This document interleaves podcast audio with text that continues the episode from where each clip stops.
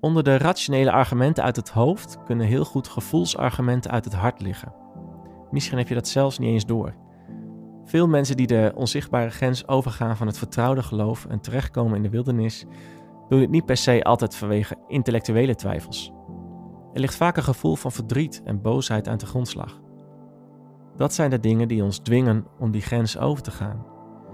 En dat is ook een aspect van geloofstwijfel wat vaak onderbelicht blijft in kerken. Er wordt in gesprekken met twijfelaars vaak gefocust op de rationele argumenten en bewijzen voor geloof, terwijl er ook ruimte moet komen voor de gevoelsargumenten, zoals teleurstelling en verwarrende godservaringen. Dit is Geloven onderweg.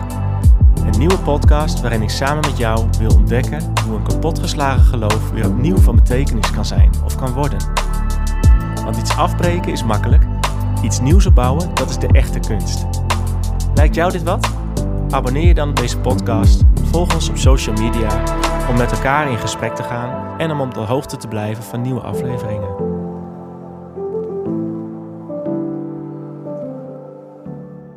Hoi, goed dat je weer luistert naar deze podcast. In de eerste aflevering heb ik iets van mijn eigen reis met God gedeeld. En ben je hopelijk zelf ook aan de slag gegaan om te reflecteren op je eigen reis met God tot nu toe. Um, ik heb bewust gekozen voor die metafoor van geloven als een reis met God. Dat klinkt misschien super cliché, maar het is zo'n krachtig beeld wat uh, tot mij blijft spreken. We, we reizen door verschillende seizoenen en landschappen heen in ons leven. En ons geloof is constant in beweging en staat ook nooit stil. Ieder persoon gaat bewust of onbewust door een aantal fases heen in zijn of haar leven. Dus zoals ik de vorige aflevering heb verteld, zijn er in mijn leven eigenlijk drie grote fases geweest tot nu toe. Richard Rohr, een Franciscaanse monnik, heeft veel over uh, deze veranderingen geschreven in het boekje Falling Upward. Kan ik hartstikke aanbevelen. En hij gebruikt daarbij uh, volgende termen: order, disorder en reorder.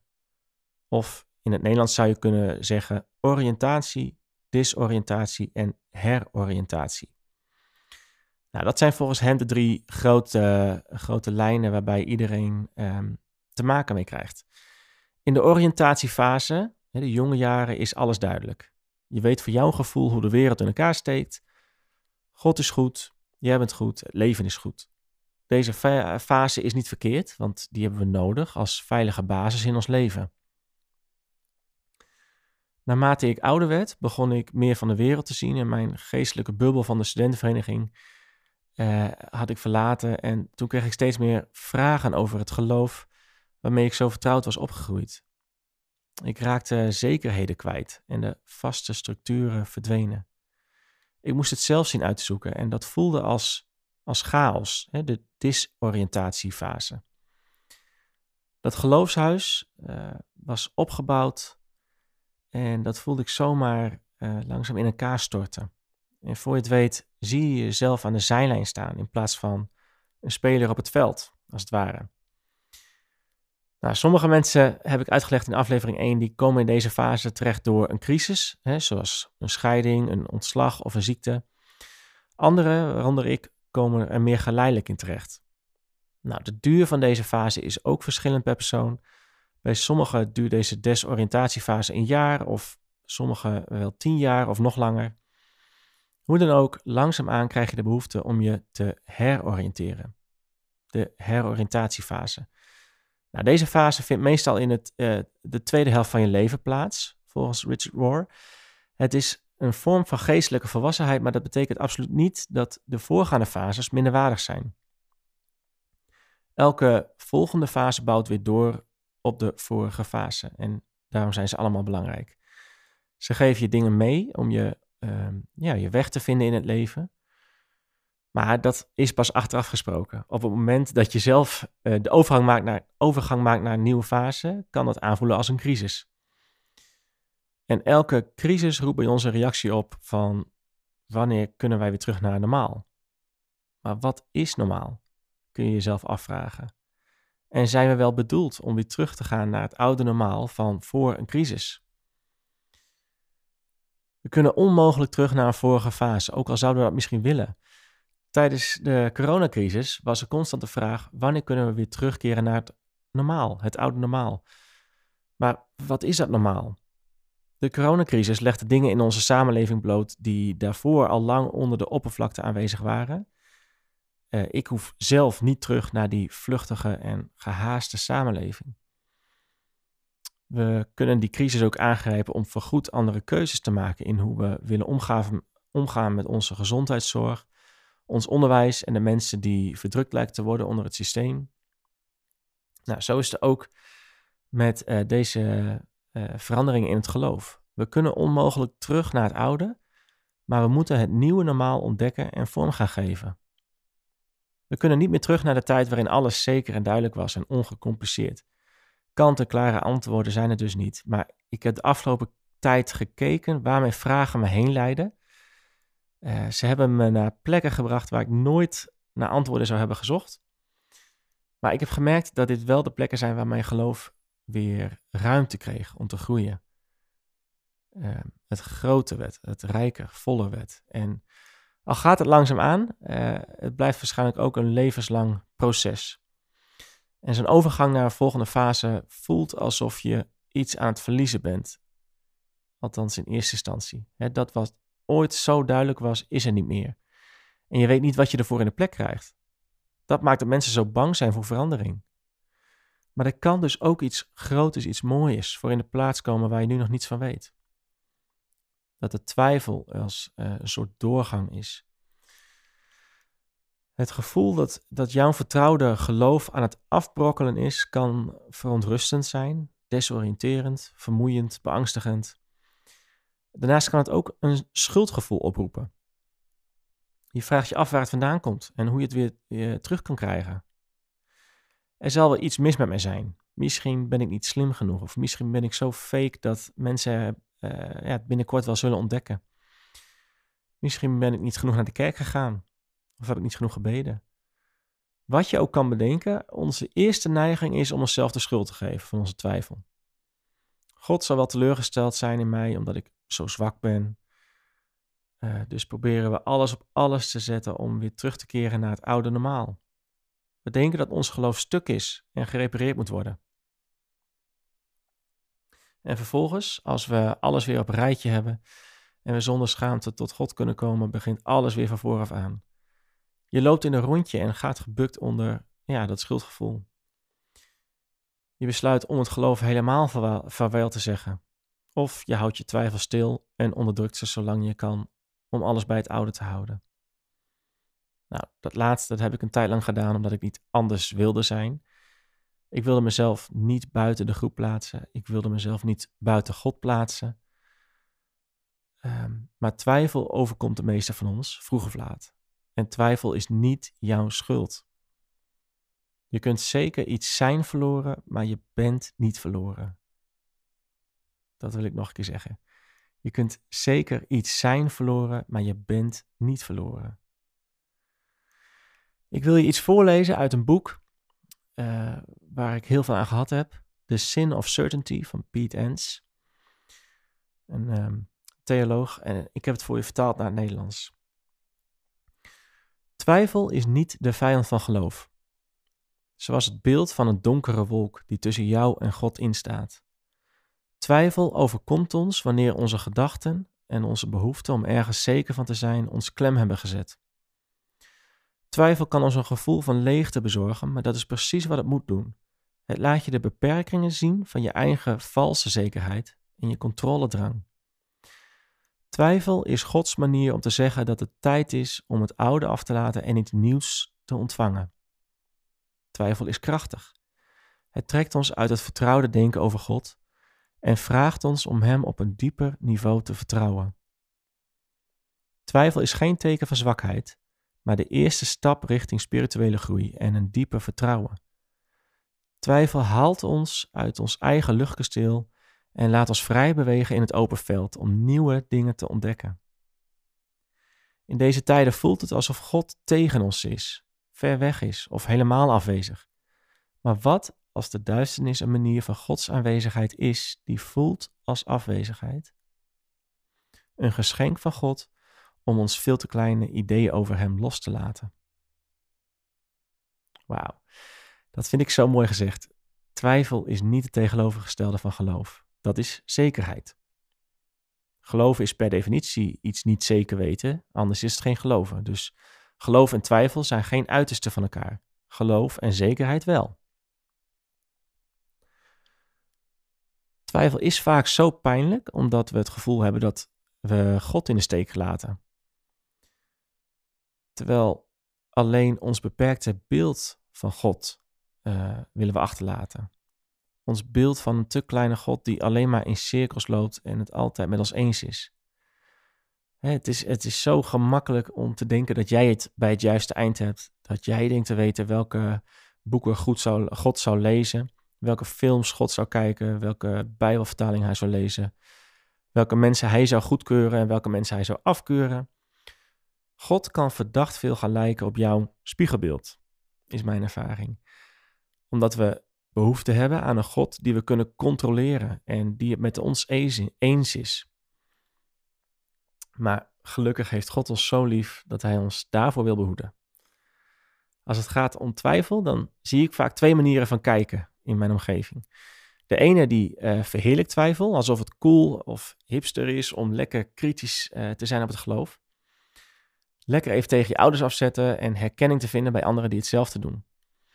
Maar het is geen nieuwe club om ergens bij te horen. Ga dus ook niet op zoek naar twijfel, om je maar af te zetten of om ergens bij te horen. Aan de andere kant zie ik ook mensen die bang zijn voor twijfel en die het als een gevaar zien, als een uh, glijdende schaal richting de afgrond. Want als je eenmaal aan iets twijfelt, is niets meer zeker, zo denken vaak veel mensen. Laat me je een verhaal vertellen wat mij uh, altijd bijgebleven is. En het uh, kan je helpen. Twee vrienden lopen in de winter langs een bevroren meer. Het heeft de afgelopen weken hard gevroren, dus het hele meer ligt dicht. Zie je het voor je? Op dat meer schaatsen allerlei mensen en ze vermaken zich. En de ene vriend die zegt tegen de ander: Kom, laten we over het meer naar de overkant lopen. Maar zijn vriend die vertrouwt het niet. Hij ziet het niet zitten en hij wijst het aanbod in eerste instantie af. Maar na het aandringen van zijn vriend wordt hij toch een beetje bij beetje overtuigd en hij besluit om een eerste stap te zetten. Voetje voor voetje schuift hij langzaam over het ijs. Hij kijkt angstig om zich heen, op zoek naar scheuren in het ijs. Opeens komt zijn vriend hem voorbij rennen en maakt een onbevangen sliding over het ijs. Hij kijkt niet eens naar het ijs of onder hem, of, uh, of het hem houdt of niet, maar hij geniet van het landschap om hem heen. Hij roept naar zijn vriend dat hij zijn angst opzij moet zetten en gewoon moet gaan genieten. Maar ja, dat is makkelijker gezegd dan gedaan. Na een paar minuten aftasten schuifelt de, de bange vriend steeds verder naar het midden van het meer, terwijl zijn vriend vrolijk ronddartelt om hem heen. Nou, uiteindelijk komen de beide vrienden aan de overkant van het meer maar beide op een wel heel verschillende manier. Als je dit verhaaltje zo hoort, dan zou je kunnen vaststellen dat die bange vriend een klein geloof had in het ijs en die zelfverzekerde vriend een groot geloof had in het ijs. Maar een nog belangrijke vraag die ik wil stellen is: wie van hun was er het meest veilig op het ijs? Die vriend met een groot geloof of de vriend met een klein geloof? Natuurlijk, de ene vriend was meer zelfverzekerd dan die ander, maar het feit is dat beide vrienden even veilig waren op dat ijs. Waarom? Het was niet hun geloof dat ervoor zorgde dat ze bleven staan. De sterkte van het ijs zorgde ervoor dat ze bleven staan. Als het van onze mate van geloof afhangt, was die bange vriend al lang door het ijs gezakt, toch? Maar hij was even veilig als de ander, ook al had hij een veel kleiner geloof. Hoe sta jij in het geloof op dit moment? Zoals die zelfverzekerde vriend die onbevangen het ijs opsprong. daarin zie ik wel wat van mijn jongeren zelf terug. Onbevangen, zelfverzekerd. Maar tegenwoordig voel ik me veel meer verwant met die andere vriend die voorzichtig het ijs betreedt en op zoek gaat naar scheuren. Misschien is hij wantrouwend geworden door zijn eerdere ervaringen op het ijs. Maar wat een opluchting om te weten dat zowel zelfverzekerde mensen als twijfelende mensen gedragen worden door God zelf. Het gaat er namelijk om dat je op het ijs staat. Je bent ooit vertrokken in je geloof. Dat is belangrijk voor God. Het gaat niet om de mate van ons geloof, maar het object van ons geloof. Niet ons geloof in wat doet het toe, maar ons geloof in wie doet het toe. Wij hebben slechts één woord voor geloof. Uh, in het Engels zijn het er twee: believe en faith. Nou, belief gaat over geloven dat. Bijvoorbeeld, uh, God bestaat. Geloven dat de aarde geschapen is door God, enzovoort. Dus hè, de dogma's, de, de leerstellingen van het geloof. Faith gaat over geloven in iemand. Je vertrouwen stellen in een persoon.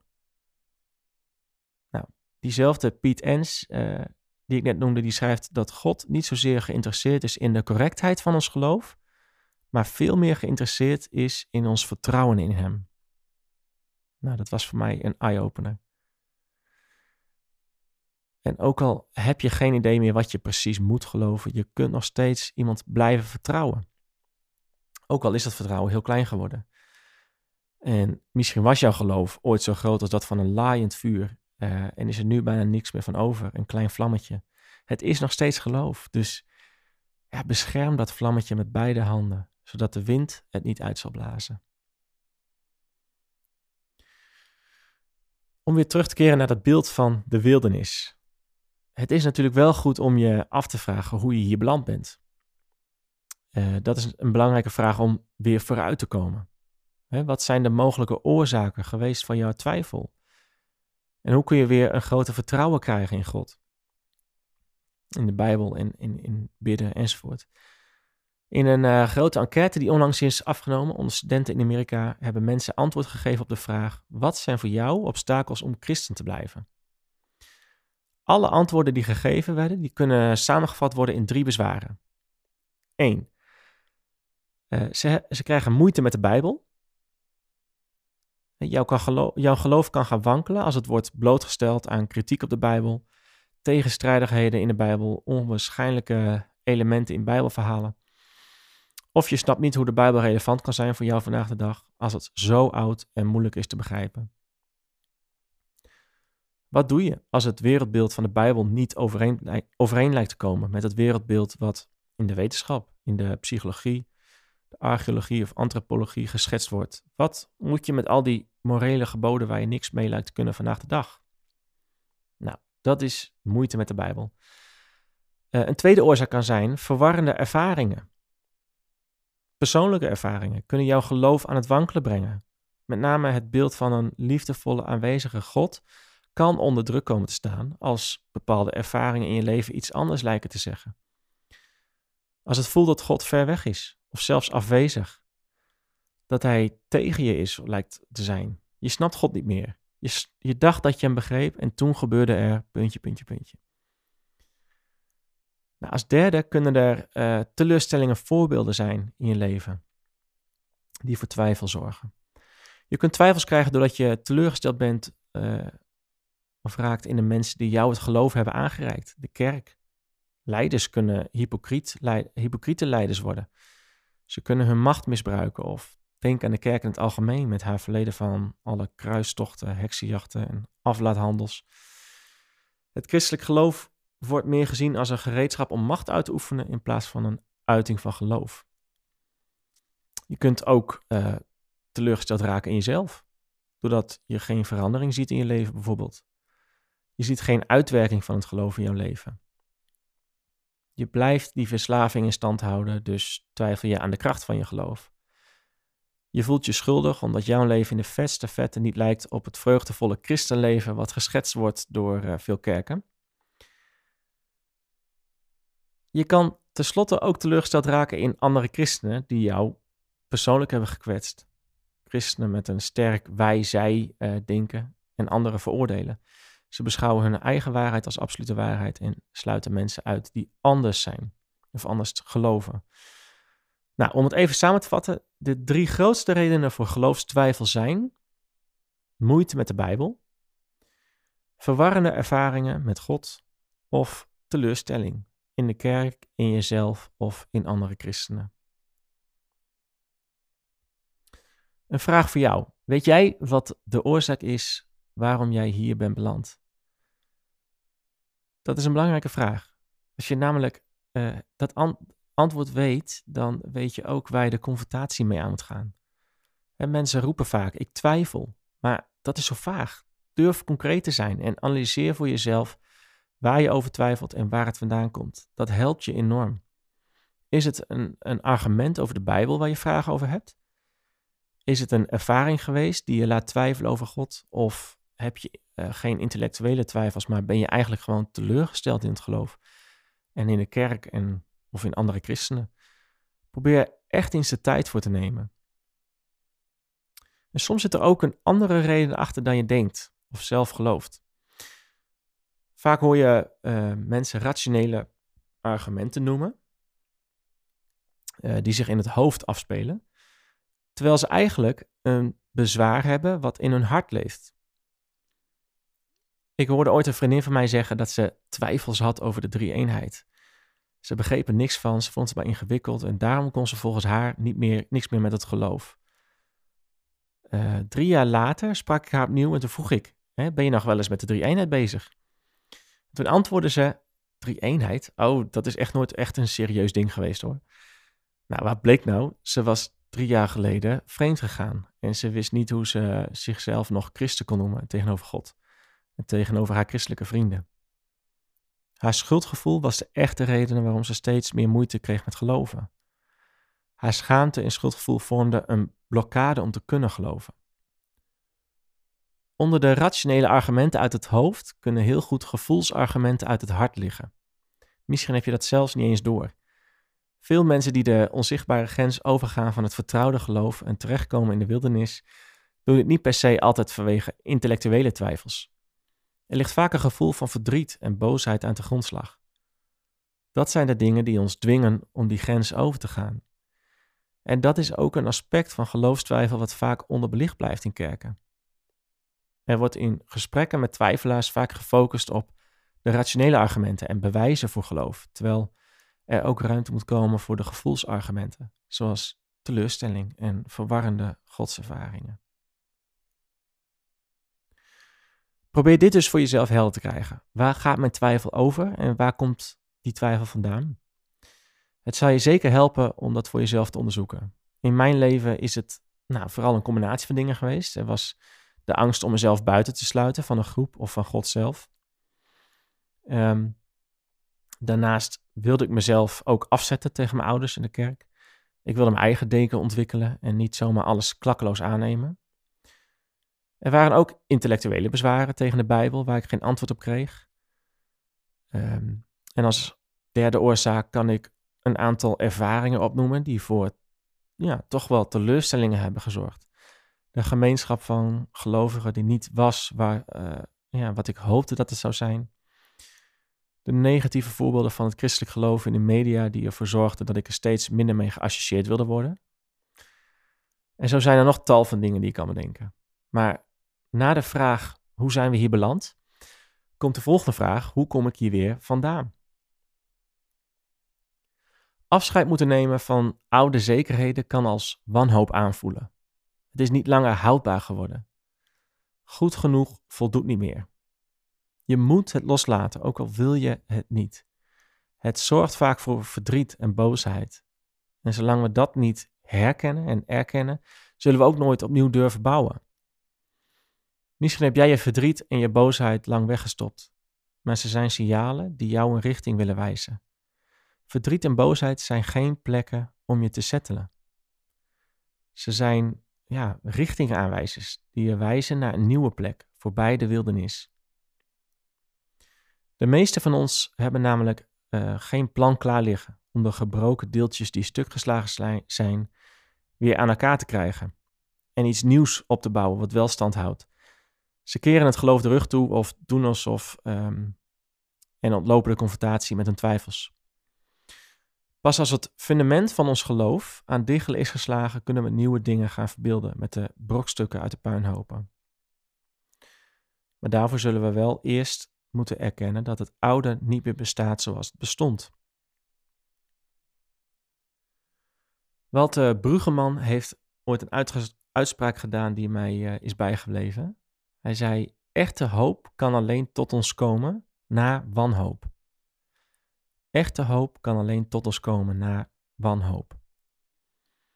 Op mijn geloofsreis wil ik uh, altijd ergens naartoe, een soort bestemming bereiken. In mijn jeugd voelde het alsof ik die bestemming bereikt had en dat voelde me toch een partij goed.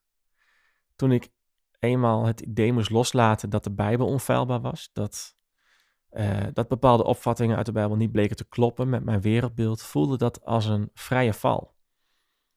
Op basis van alles wat ik geleerd had, kon ik niet anders. Het was niet langer houdbaar geworden. Ik heb afscheid moeten nemen van het idee dat ik zekerheid had, dat ik controle had over God. Van het gevoel dat ik gearriveerd was. Dus in deze desoriënterende fase kreeg ik al snel het idee dat ik een nieuwe bestemming voor ogen moest houden. Misschien had, het, had ik het niet altijd bij het juiste eind gehad, maar er moest toch een nieuwe manier van geloven zijn die wel goed zou zijn. Maar elke keer zodra ik het gevoel had ergens te arriveren op een bestemming, kreeg ik weer nieuwe gaten in mijn geloof. Alsof de doelpalen weer verder naar achteren werden gezet. Als ik de pelgrimsverhalen uit de Bijbel uh, lees, krijg ik het gevoel dat ik vooral ikzelf zo nodig de behoefte heb aan een bestemming.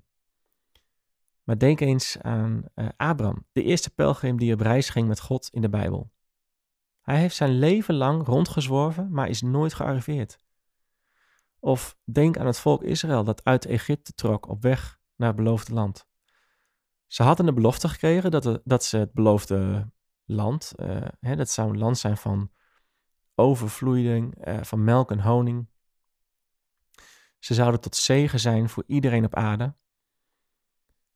Uh, ze hadden een belofte dat God hun zou eren tegenover andere volken. Nou, dat klinkt als een soort utopia. Na 40 jaar rondzwerven in de woestijn bereikten ze eindelijk het beloofde land. En wat bleek? Het was alleen nog maar een begin van hun reis. Ze waren nog maar net vertrokken als het ware. De uitdagingen die hen stonden te wachten in het beloofde land waren groot. De beloften die ze meekregen hadden, um, ja, dat was als een, soort luchtspiegeling in de woestijn geweest. Je denkt dat het een vruchtbare oase is, maar zodra je er aankomt, verdwijnt het weer. Als wij denken dat we het gevonden hebben en God denken te begrijpen, uh, dan doen we er alles aan om dat gevoel van zekerheid vast te houden. Wij manipuleren zelfs ons eigen gevoel om datgene vast te kunnen houden wat ons zoveel veiligheid en zekerheid geeft.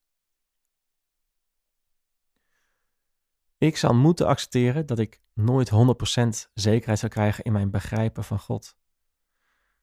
Ik moet leren vrede te sluiten met mijn onzekerheid en mijn onbeantwoorde vragen. Ik ben zowel een twijfelaar als een gelovige. Soms wissel ik tussen deze twee, soms meerdere keren op een dag zelfs. Uh, soms ben ik ze allebei op dezelfde tijd. Sommige mensen die twijfelen nooit, zoals die ene vriend op het ijs. Nou, dat ben ik niet en waarschijnlijk jij ook niet, aangezien jij uh, naar deze podcast luistert. Uiteindelijk ben ik me gaan realiseren dat um, dat twijfel meer een reisgezel is dan een vijand die ik moet bestrijden. En ze gaat niet uit zichzelf verdwijnen. Ze wil me dingen leren om te groeien. Dus één ding wat ik je wil meegeven in deze aflevering is dit. Je hoeft geen geheim te maken van je twijfel of ongeloof. Laten we elkaar toestemming geven om te twijfelen. En laten we alsjeblieft kijken waar onze vragen ons naartoe zullen brengen. Dat is niet iets om bang voor te zijn of om je voor te schamen, maar het is een uitnodiging om te gaan zoeken en te vinden in de wildernis. We blijven onderweg in ons geloof, zonder te weten waar precies de weg naartoe leidt, maar in het vertrouwen dat we ook hier in de wildernis gedragen worden door God. Iemand die dat mooi heeft beschreven is uh, Brandon Robertson in zijn boek Zwerven met God. Ik zal je een klein stukje willen voorlezen. Terwijl we reizen door onze spirituele levens, komen we vaak in de verleiding om te blijven bij één perspectief en te beweren dat het ons eindpunt is. Maar dit behoedt ons ervan verder op verkenning te gaan en op onderzoek te gaan, terwijl dat juist het doel van ons leven is. We leven in een wereld die betoverd is. De geest die alles schept en in stand houdt, heeft hoogtes en dieptes die onze wildste fantasie te boven gaan. De eeuwigheid is onze eindeloze verkenning van God. We zullen nooit het einde bereiken van wie Hij is of wat Hij doet. Hoe dieper we duiken, hoe meer kleur en variatie we zullen vinden. Dat is wat het betekent om te zwerven. Nooit tevreden zijn met gearriveerd zijn. Altijd verlangen naar wat er aan de andere kant van de heuvel ligt. Als we ons realiseren dat het doel van ons leven niet het vinden en begrijpen van de absolute waarheid is, maar juist het ontdekken van de spanning en het mysterie in het hart van alle dingen, dan zijn we vrij om te gaan waar niemand eerder is geweest. Onze grenzen te verleggen en de nieuwe dingen te ontdekken die God overal om ons heen aan het doen is. Niet met vrees en beven, maar met vreugde en verwachting. Als uh, verwerking van deze aflevering wil ik je weer twee oefeningen meegeven die jou kunnen helpen.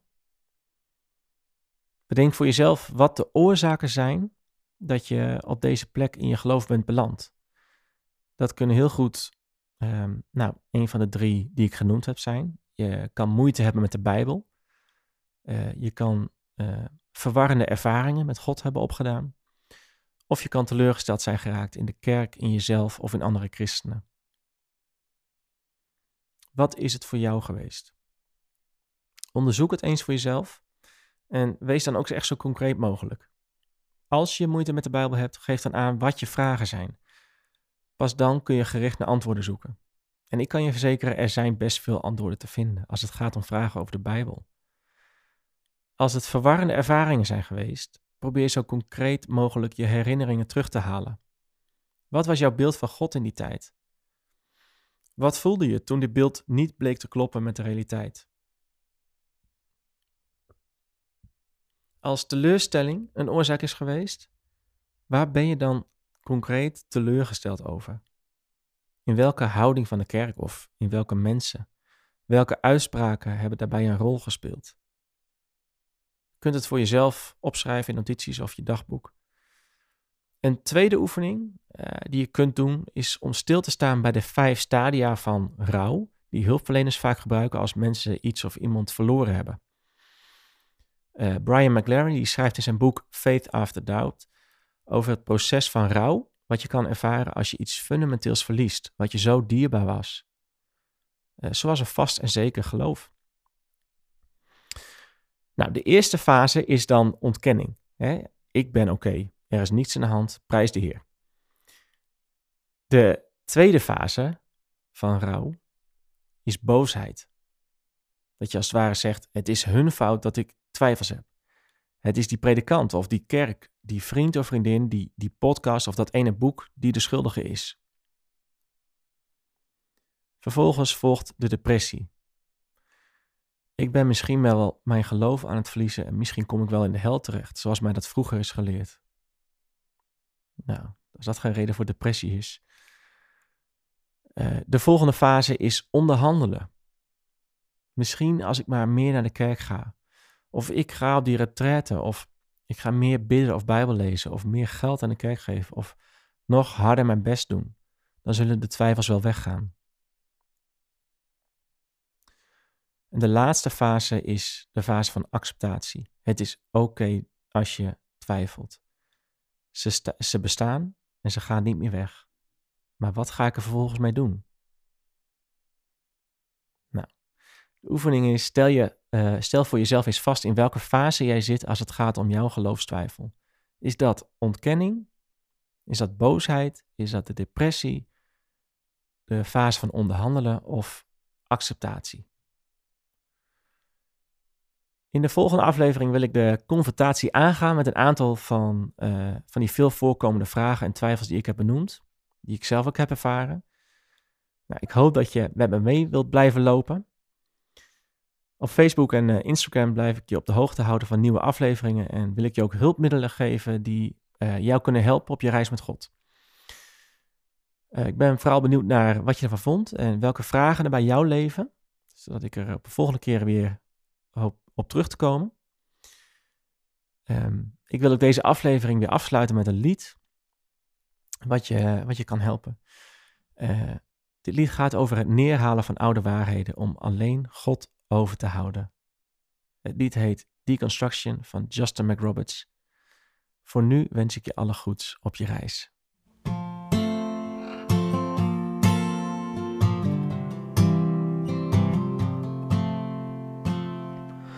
I am comfortable with deconstruction. I am comfortable with doubt. It's the assurance that I'm right about the mystery, the assurance that you're wrong, that I can do So everything, everything I know about you, everything I've thought I knew, I'll tear it down. Yes, I will leave it all in pieces. If I knew what it means, is that I'm left with only you. Say it's not about, it's not about religion. But then they tell you how to think. They say it's all about the way you understand it. And they tell you what it means that you've experienced these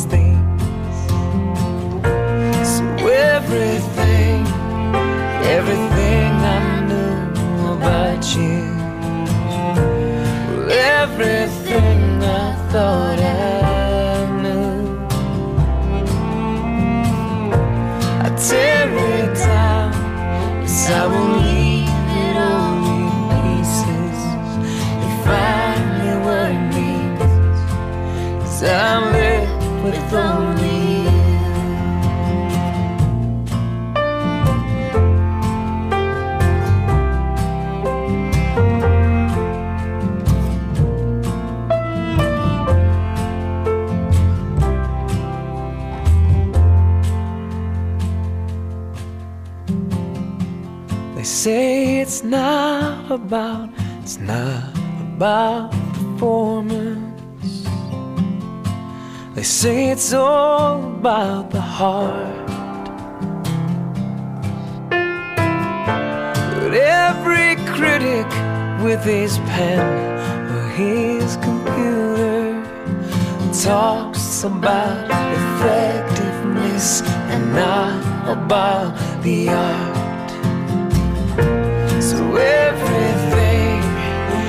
Everything I knew about you,